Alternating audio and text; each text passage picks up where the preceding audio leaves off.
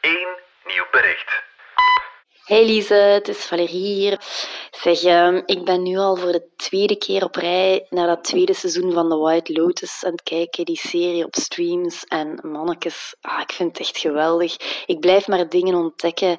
En ik zou zo een ticket boeken naar Sicilië om daar twee weken in deze barre winter te gaan rondhangen. Het is prachtig gemaakt. Joe, bye bye. Ik ben Lise Bonduel en van de Standaard is dit Radar, je wekelijkse cultuurpodcast. Radar. Radar. Radar. Radar.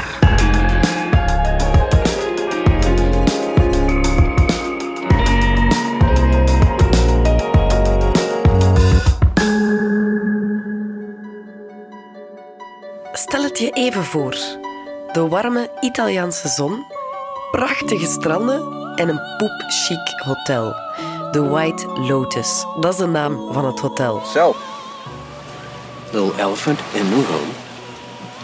How do you guys like being rich? Oh, Cameron, God. What? Come on. Rijke stinkerts gaan er op vakantie. Heel idyllisch, zou je denken. Is het ook om naar te kijken.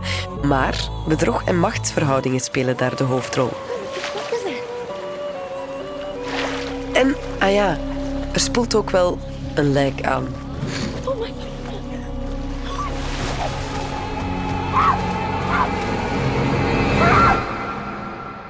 Dag Valerie Droeven, jij bent mediajournalist. Tweede seizoen van The White Lotus staat nog maar net volledig op streams. En jij hebt die serie al twee keer bekeken. Is die dan zo goed? Ja, ik vind hem echt steengoed. Collega Lieve van de Velde heeft de recensie erover geschreven en zij heeft het vier sterren gegeven. Ik zou na het einde te zien zelfs twijfelen over vijf. Eh, ja, maar het is, vind ik, een serie voor serieliefhebbers. Het is typisch een serie waar dat je graag in rondhangt, waar dat je de laagjes graag van afpelt. Ik heb het al twee keer bekeken en ik vind hem in de tweede ronde eigenlijk nog beter worden. Hij is gemaakt door Mike White, hè, daar begint het al. Iemand die niet zo heel bekend was voor hij The White Lotus maakte. White Lotus, Mike White, daar zit al eh, een indicatie voor welk spelletje hij ook speelt in de reeks. Maar er is zoveel te ontdekken in die zeven afleveringen van het tweede seizoen, dat ik nog beter vind als het eerste seizoen dat al heel goed was.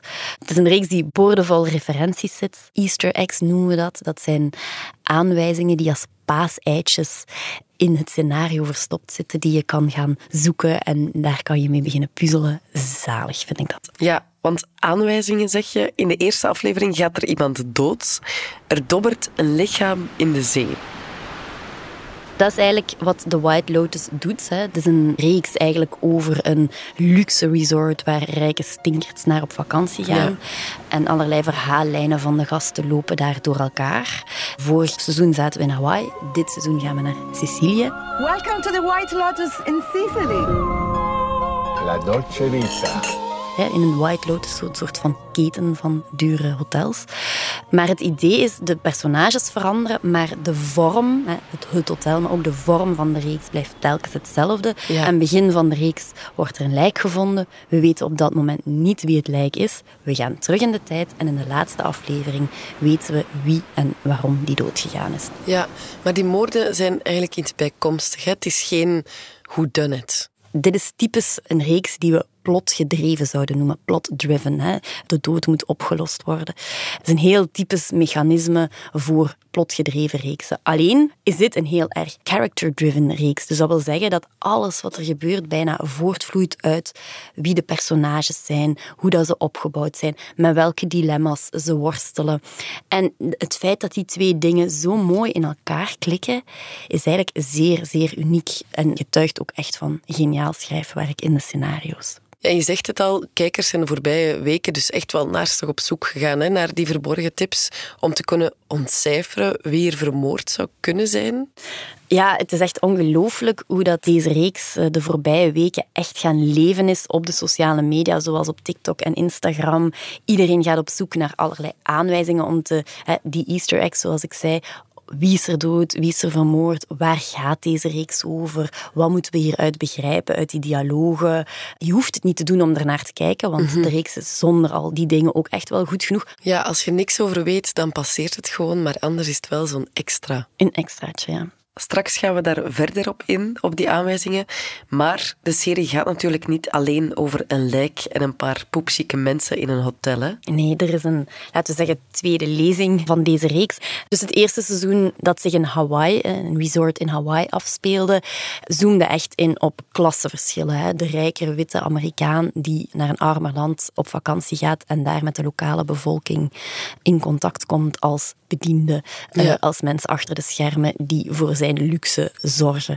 Dat was daar echt een commentaar op. Hè. Die eh, rijke stinkers werden heel erg te kakken gezet. This is the wrong room. What do you mean? We're supposed to be in a honeymoon suite. This isn't the honeymoon suite. This. Maybe it is. Why isn't it? No, because I did a virtual tour on the website. This is uh, this isn't it. This is just a regular suite. what are you talking about? This is like the swankiest hotel room I've ever stayed in. Yeah, but you haven't traveled that much, so plus we're paying for the honeymoon suite. Technically, we're not paying for anything. Your parents are. Dit tweede seizoen gaat daar wel wat van weg. Hè. We, we zien minder die machtsstrijd rond klassenverschillen. Het zit er een klein beetje in, maar veel minder. Dit seizoen gaat volgens mij over seks en macht. Hè. Welke Ja. macht oefen je uit via seks? Of via bedrog? Of eh, relaties? Welke is de eerlijkste relatie? Welke vorm zijn we het eerlijkste tegen elkaar? Daar denkt dit echt over na. En is er wel een eerlijke relatie? is er wel een eerlijke vorm van seks en relatie mogelijk. Het is een heel cynische reeks. Op het einde, we gaan niet spoilen, maar eh, blijf je toch met een gevoel van wow, als dit jouw beeld is over seks en relaties, komt het niet goed. maar eh, het is op zo'n lichtvoetige, heerlijke, zalige manier verteld dat je eigenlijk geniet van, van dat cynisme. Ja. Dat, het, dat het echt eh, zo leuk verpakt is dat, dat je het niet merkt. Of En zo. ook tegen de achtergrond van die warme Siciliaanse stranden. Ja, zo- zo meteen op vakantie gaan. Ja, dat, dat, dat, dat, is exact wat ik dacht. Ja. Het beeld dat deze reeks ons voorschotelt, is dat echt in elke relatie een vorm van manipulatie is. Hè? Waar dat mooi mee aangetoond wordt. Er zijn twee bevriende stellen samen op vakantie. Er is één stel dat echt voortdurend aan het kussen is en, en aan elkaar hangt en de hele tijd seks heeft. En al, eh, op een manier dat het andere stel daar rologend bij zit en dat heel erg vervelend vindt. Dat blijkt hè, al redelijk snel een stel te zijn dat ook vol bedrog zit, dat helemaal niet eerlijk is ten opzichte van elkaar. Maar er is wel veel passie. Het andere stel is goud eerlijk tegen elkaar, leggen alles op tafel, zijn voortdurend super open, eh, ook over de onhebbelijkheden die ze voelen bij elkaar. En ze raken daar echt ook helemaal in verstrikt in die eerlijkheid. Dat is ook helemaal geen positief beeld. Ja, de passie is er helemaal uitgevloeid, heb ik het gevoel. Het heeft echt de passie uit die relatie helemaal geduwd. Echt elke relatie die je te zien krijgt, schotelt je een beeld voor over, of je de vraag voor van wat is nu het beste, wat is nu het eerlijkste. Een- Een mooi voorbeeld vind ik ook die drie generaties mannen die samen op reis zijn. Grootvader en vader blijken alle twee een heel foute, zeer complexe relatie met vrouwen te hebben. Het zijn types boomers die toondoof zijn ten opzichte van de noden van een vrouw, die, die voortdurend bedriegen. Our Achilles heel is an Achilles cock. It's like a, a Greek curse. De zoon is helemaal het omgekeerde daarvan. Hij is heel erg die nieuwe woke man die de vrouw op een voetstuk zet. Een, een andere verhaallijn stelt duidelijk de vraag van is seks als transactie dan eerlijker? Hè? Er komen twee vrouwen in voor die zich prostitueren. Ja. Die personages zijn er volgens mij echt om die vraag te stellen van kijk, als wij een transactie doen en jij betaalt mij, dan is het voor iedereen duidelijk. Maar eigenlijk elke variatie op een relatie of op een seksuele relatie die je krijgt in deze reeks wijst op een vorm van macht en zelfs een vorm van bedrog. Zoals ik zei, zeer cynische boodschap. Maar het wordt zo lichtvoetig gebracht dat je eigenlijk gaandeweg ervan aan het genieten bent. Ja, en het toffe is ook, je moet het eerste seizoen niet gezien hebben om te kunnen volgen. De twee seizoenen staan los van elkaar. Ik ben zelfs begonnen met het tweede seizoen om nu pas het eerste seizoen te beginnen. Maar één personage komt in de twee seizoenen voor. Hè. Tanya, gespeeld door Jennifer Coolidge. You are so talented. Do you really know what you're doing? You think you could have dinner with me at the hotel tonight? Um, I, I get off at seven. Yeah, that's good. I mean, like a couple minutes after seven at the at the restaurant. Eigenlijk is dat een actrice die een karikatuur voorstelt van de Amerikaanse Hollywoodiaanse actrice. Hè. Ze is heel erg bijgewerkt in haar gezicht, maar tegelijkertijd ook wel redelijk wat kilo's te veel. Ja, Ehm, zo wat Pamela Anderson vibes. ik, Pamela Anderson gone bad. Gone wrong? Gone wrong, ja. En Maar dat blijkt ook heel erg haar sterkte te zijn. Ja. Ze heeft vroeger als actrice heel vaak zo de blonde bimbo gespeeld. Hè. Ze was de MILF in American Pie. Mr. Finch, are you trying to seduce me? Yes, ma'am, I am. Het is echt door Mike White, die een vriend van haar was, die dat ze Ah. een soort van comeback heeft gemaakt. hè. In het eerste seizoen was zij ook al de meest opvallende actrice. Eh, Ze speelt echt een, een heerlijk personage dat stinkend rijk, mega zelf ingenomen is, dat mensen gebruikt laat vallen, mega onzeker is. Echt ey, fout mens, tot en met. Ja, en ze neemt haar assistenten dan ook mee, die ze uiteindelijk ook laat vallen. You're gonna have to get lost. Okay. Yeah. So, what do you mean? I see you in a week then? No, no, no, no. I, I want you to stay, stay close, because I might need you. But just lay low and, and not come out of your room. Maar er zijn nog heel wat andere kleurrijke personages in deze reeks die je wilt volgen. Ja, en je leert die dus allemaal ook kennen, want ik skip de intro's meestal. Je krijgt ook zo'n knop intro overslaan. Maar blijkbaar worden de personages daar op een heel interessante manier voorgesteld. hè. Ik kan het niet meteen door, maar na een aantal afleveringen merk je dat die intro's verborgen boodschappen bevatten. Je bedoelt dan de begingeneriek natuurlijk. Ja. Ja, het is eh, een gewoonte geworden de laatste jaren om die inderdaad over te slaan bij reeksen, ook bij Netflix. Maar ik zou aanraden om het minstens één keer niet te doen en er eens heel goed naar te kijken. Was eigenlijk ook al het geval in de eerste reeks. De begingeneriek is gemaakt door een productiehuisje dat Plains of Yonder heet. hè. Ja. Ze hebben er nog wel een paar eh, belangrijke gemaakt, bijvoorbeeld die van Westworld. Maar wat ze gedaan hebben, is de fresco's gaan fotograferen in een palazzo in Palermo dat vol trompe-l'œil staat, dus vo- vol fresco's. Het team van Plains of Yonder hebben daar een soort van collage van gemaakt. hè. Ze hebben zo beelden samengeplakt en herbestemd en daarmee verschillende verhaaltjes ontwikkeld. In de generiek gebruiken ze die en telkens als je de naam van een acteur, een van de hoofdrolspelers, ziet, dan staat daar een tekening bij of een schildering, een schets, die iets zegt over het personage, over het, waar het personage naartoe gaat, maar ook karaktereigenschappen van het personage. Bijvoorbeeld, we hebben het net over Portia gehad, de assistente van Tanja. Als haar naam op het scherm verschijnt, zie je zo een mak-schaapje naar een vrouw stappen. Die generiek is echt wel eens de moeite om van dichterbij te bekijken. Ja, dus voor die ene keer de intro niet overslaan. Nu, wat direct ook opvalt bij die generiek is de muziek natuurlijk. Hè.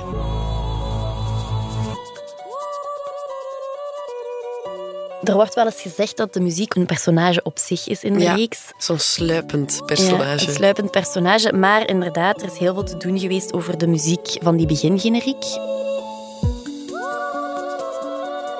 Want die is gecomponeerd door eh, iemand die Cristobal Tapia de Veer heet. En hij speelt zo met woordeloze zangers.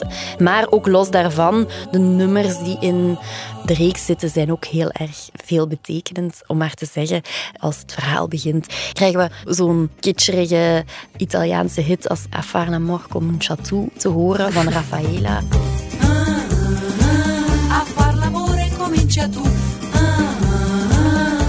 Dat zet meteen de toon over hoe grotesk de verhalen verteld gaan worden. En bovendien is zij ook een soort van gay-icoon, Raffaella. Dus dat, gaat, dat doet ook wel een belletje rinkelen bij een bepaald publiek wat daarnaar zit te kijken. Van kijk, hier is ook iets voor jullie in store. Ik heb het gevoel dat er verschillende soorten muziek in zitten. Je hebt zo aan de ene kant het dartele, spannend, makend muziekje. En dan aan de andere kant ook ja, vrij ingenieuze soundscapes ook, van hijgende mensen als er seksscènes zijn bijvoorbeeld. Dus het zit op heel veel Er, eh, lagen. er zitten inderdaad redelijk wat Italiaanse kitscherige slagers in die afgewisseld worden met hoe jij het omschrijft, zo die dreigende muziek die de dreiging en de spanning opbouwt. En die ook voortdurend commentaar geeft op wat we zien. Ja, hè. en subtiel, hè? Subtiel, ja, maar het gevoel waarmee dit verteld wordt, wordt wel op die manier perfect Ja. Ik denk ook nog aan een ander voorbeeld dat ik heel mooi vond van iets wat dat ze met muziek doen. Is op een gegeven moment gaat Tanja naar Madame Butterfly kijken, de opera. En de scène die we te zien krijgen speelt zich vooral af voor de opera begint. Die scène is gedaan, de opera begint en er wordt gekut naar het hotel, waar je dan vervolgens die twee koppels ziet binnenkomen in slow motion met die, opera, op de achtergrond. Zo. Dus ze- je legt meteen linken en je, je knoopt die verschillende verhalen die voortdurend parallel eh, aan elkaar zich afspelen op een, een mooie manier in elkaar. En je zegt tegen de kijker, hey, hier is wel een link, hier is wel iets wat ik over hetzelfde onderwerp willen vertellen. Ja. En dat soort dingen zit er voortdurend in. Maar ook die dreiging, hè, die bouwt heel erg op, want aan het einde van de reeks moet er iemand doodgaan. Ik las die dreiging ook wel als iets anders, namelijk er zit een, eh, in de eerste aflevering een heel interessante dialoog, vind ik, tussen de twee bevriende koppels, waarbij Harper, eh, een van de twee vrouwen, iets zegt in de trant van, ze zijn bezig over tv-series. Ja. En plots zegt zij iets in de trant van, we entertainen onszelf terwijl de wereld ten onder gaat. So much content now. It's like there's billions of shows. Everyone's trying to keep up. It's kind of much. suffocating, honestly. It's too much. It's like we're all entertaining each other while the world burns, right? We're all just zombies, you know, like. Dat zit ook, vind ik, heel erg in die reeks vervat. Die metafoor zit ook bijvoorbeeld in die brandende Etna die je soms om de achtergrond ziet. In het begin nog niet zo vaak. Hè. Dat, in het begin is het een waarschuwing. Maar naarmate dat we de reeks vordert, en zeker in de finale aflevering, zie je de hele tijd dat vuur en die Ja. lava op de achtergrond uit die vulkaan komen. Je krijgt heel vaak niet alleen die beelden van dat vuur, maar ook van water. Dat kolkende water dat tegen die Ja, rotsen aangaat. klopt. En in slow motion of onder water filmen ze soms mensen die zwemmen of een kwal. En je voelt daarmee, er borrelt hier iets. Dat, dat is echt de boodschap die je voortdurend krijgt. En dat kan je volgens mij op twee manieren lezen. Je kan dat lezen, er borrelt hier iets. hè, het verhaal gaat fataal aflopen. Maar ik las het toch ook wel als...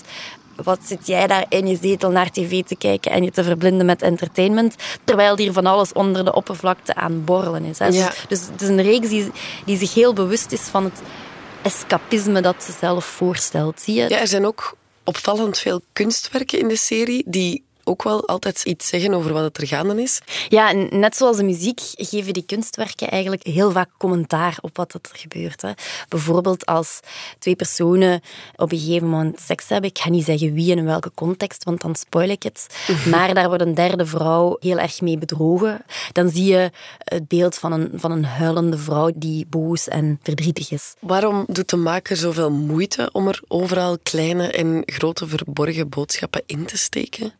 Het feit dat hij dat zo rigoureus gedaan heeft en dat dat in zoveel hoekjes en kantjes steekt van die reeks, toont aan met hoeveel zorg deze reeks gemaakt is. Hè. Er is over alles nagedacht. Anderzijds, het is iets wat ook altijd al gebeurd is. Hè. De, Ja. In reeksen en ook in tv-series, dat die verwijzen, dat er referenties zijn, dat dat knipoogjes zijn die niet iedereen ziet, is, is een spel wat al jarenlang gespeeld wordt. Maar de laatste jaren is door Netflix en door bepaalde grote reeksen zoals Stranger Things, is daar wel een ongelooflijke turbo opgezet. Hè. Ehm, bijvoorbeeld als je naar een reeks zoals Wednesday kijkt, die nu een groot succes is op Netflix, hè, gemaakt door Tim Burton met Jenna Ortega in de hoofdrol. Die reeks zit boordevol referenties. Waarom doen fictiemakers dat? Sinds de opkomst van Netflix, sinds de opkomst van reeksen zoals Euphoria, zoals Stranger Things en het succes daarvan, is wel aangetoond dat er een correlatie is tussen hoeveel er online over een reeks gesproken wordt en het succes daarvan. Ja. Wednesday is daar het perfecte voorbeeld van. Dat is een zeer middelmatige reeks, vind ik zelf. Maar dat is een ongelooflijk succes. En waarom is dat? Deels omdat mensen dat door daar naar te kijken en daar online mee aan de slag te gaan, ook van zichzelf maken. Hè. Er ontstaat een soort van community die erover Ja. discussieert, die er op TikTok filmpjes over maakt. Bij Wednesday bijvoorbeeld zit er een heel grappige dansscène in die iedereen nadoet. Het Je feit bent dat... het nu zelfs aan het doen, terwijl je erover aan het vertellen bent. Ehm, een heel mooi voorbeeld is bij Stranger Things hoe Running Up That Hill van Kate Bush Ja. een ongelooflijk succes is geworden, omdat ze dat in die reeks hebben gestoken, omdat mensen daar op TikTok mee aan de slag gegaan zijn en daar allerlei dingen, memes rondgemaakt hebben of dat gebruikt hebben voor memes. You're not really here. But I am.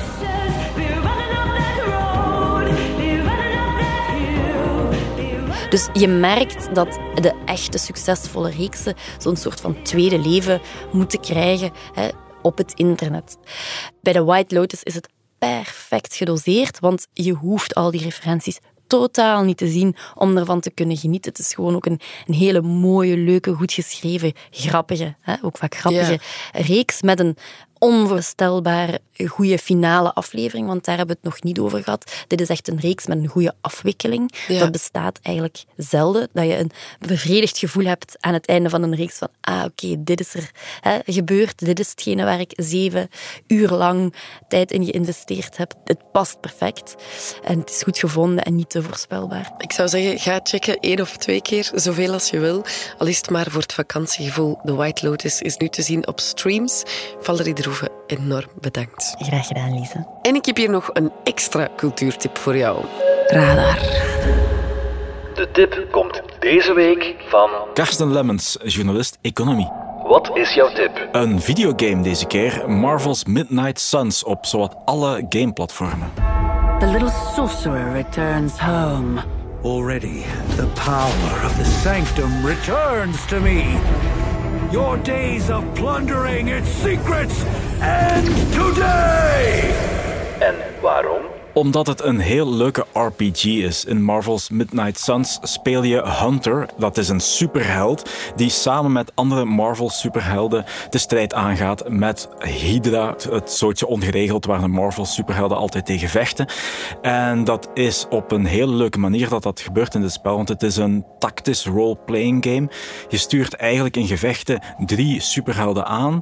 Als je fan bent van Marvel, dan is dit een heel leuk spel, want er zit heel wat ontwikkeling van personages achter, heel veel interacties tussen personages, een hele verhaallijn over goed versus kwaad. Dus ben je into Marvel movies, dan zal dit wel je ding zijn. Het is een tof spel om te spelen, toch wel de moeite waard. Bedankt voor jouw bijdrage. Radar. Radar. Radar. Voilà, ik hoop dat je ervan genoten hebt. Dit was Radar, de wekelijkse cultuurpodcast van de Standaard. Alle credits vind je op standaard.be-podcast. Merci om te luisteren en uh, tot volgende week. En als je nu al op zoek bent naar een volgende podcast om te beluisteren, check dan zeker dit.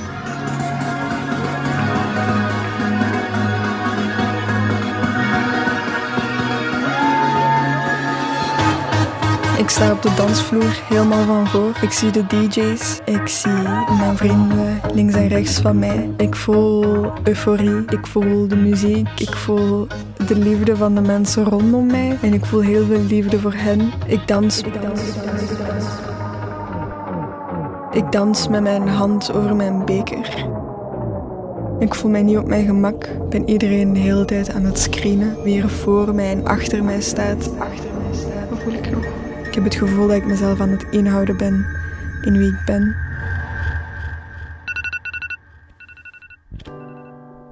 Het is the day after en ik wil even terugblikken op mijn ervaring van afgelopen nacht. In de volgende afleveringen van Klaar Wakker zoekt Cubra een antwoord op de vraag hoe kan het nachtleven veiliger zonder de losbandigheid te verliezen? Te beluisteren in de app DS Podcast of je favoriete podcastplatform. Surf voor meer info naar www.standaard.be-klaarwakker.